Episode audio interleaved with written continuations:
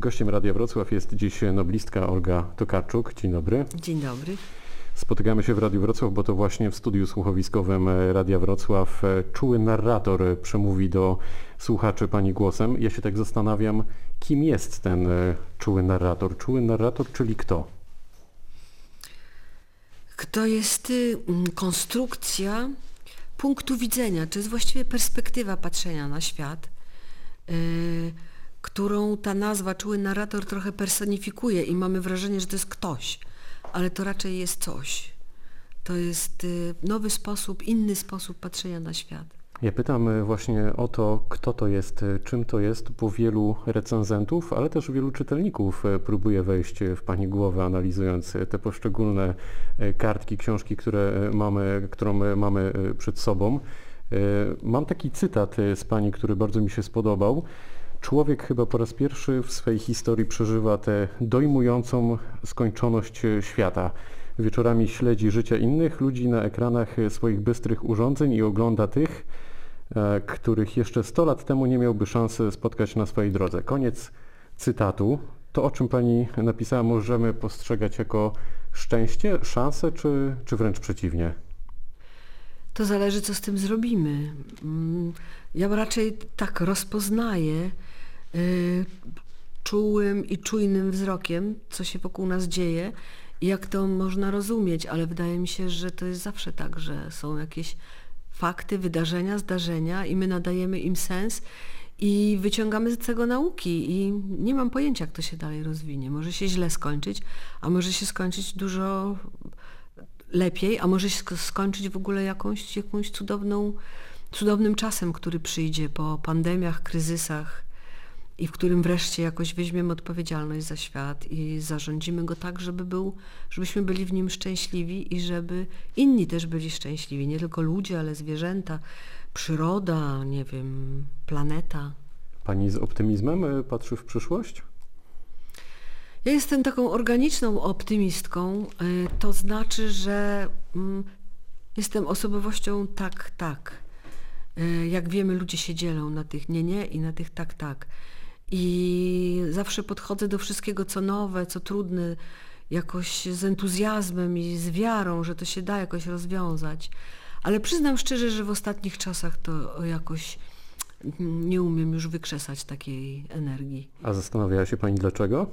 Może się starzeje, a może świat się robi. A teraz nas Pani kokietuje tutaj. Roz, no, każdemu, ka, każdego to do, do, dotyka i nie ma co tutaj owijać w bawełnę. I kiedy się starzejemy, to widzimy, że wiele naszych też zamysłów z młodości nie udało się, albo jesteśmy rozczarowanych, albo zostaliśmy oszukani, albo po prostu nie wyszło z jakiegoś powodu. I jest to rodzaj mądrości, takiej gorzkiej, ale mądrości. Więc odwołuję się tutaj, no to dobrze, nie do wieku, ale do większej mądrości niż, gdy, niż miałam ją wtedy, gdy, gdy byłam o 20 lat młodsza. I sytuacja jest poważna, myślę. Czuły e, narrator to jest e, pierwsza książka po otrzymaniu e, literackiej Nagrody Nobla. Ona ważyła więcej niż poprzednie tytuły. Tutaj czuła Pani motyle w brzuchu, czy, czy wręcz przeciwnie, a może to był w ogóle taki miks różnych emocji? Wie pan co, ja myślę, że to jest trochę tak, że y, dużo bardziej się wszyscy inni przejmują tym Noblem niż ja. Ja jakoś mi to taka jestem zimnokrwista i wiem, że y, należy się zachowywać i tak się zachowuję sama spontanicznie, że zarówno z tych najgorszych przypadłości i nieszczęść należy szukać jakichś jakichś dobrych stron i należy zachować zimną krew. Tak samo w tych największych radościach i nagrodach i, i, i prezentach od życia no, też zależy, należy zachować zimną krew. I Byłam zajęta przez ostatni rok i tak byłam mniej zajęta niż myślałam, że będę. Yy, ponieważ pandemia odwołała bardzo wiele wyjazdów, promocji i tak. Miałam wreszcie czas, żeby usiąść i zebrać teksty, które kiedyś już napisałam. Napisałam kilka nowych w ciągu tej pandemii i złożyła się z tego taka książka, która wydaje mi się, że też była w jakimś sensie spełnieniem oczekiwań, bo ludzie, którzy czytają moje powieści, czytają na przykład niektóre tylko, albo nie znają tego do końca w całości, co pisze, mieli prawo domagać się tego, co Tato Karczuk myśli. Jakie ona ma poglądy na świat? Czy oprócz tego, że jest tą wegetarianką i tą, tą y, feministką, to co ona w ogóle ma w głowie jeszcze? Więc mm, w jakimś sensie mam wrażenie, że to jest inny sposób komunikacji z czytelnikami, ale równie uprawniony i też jakoś potrzebny.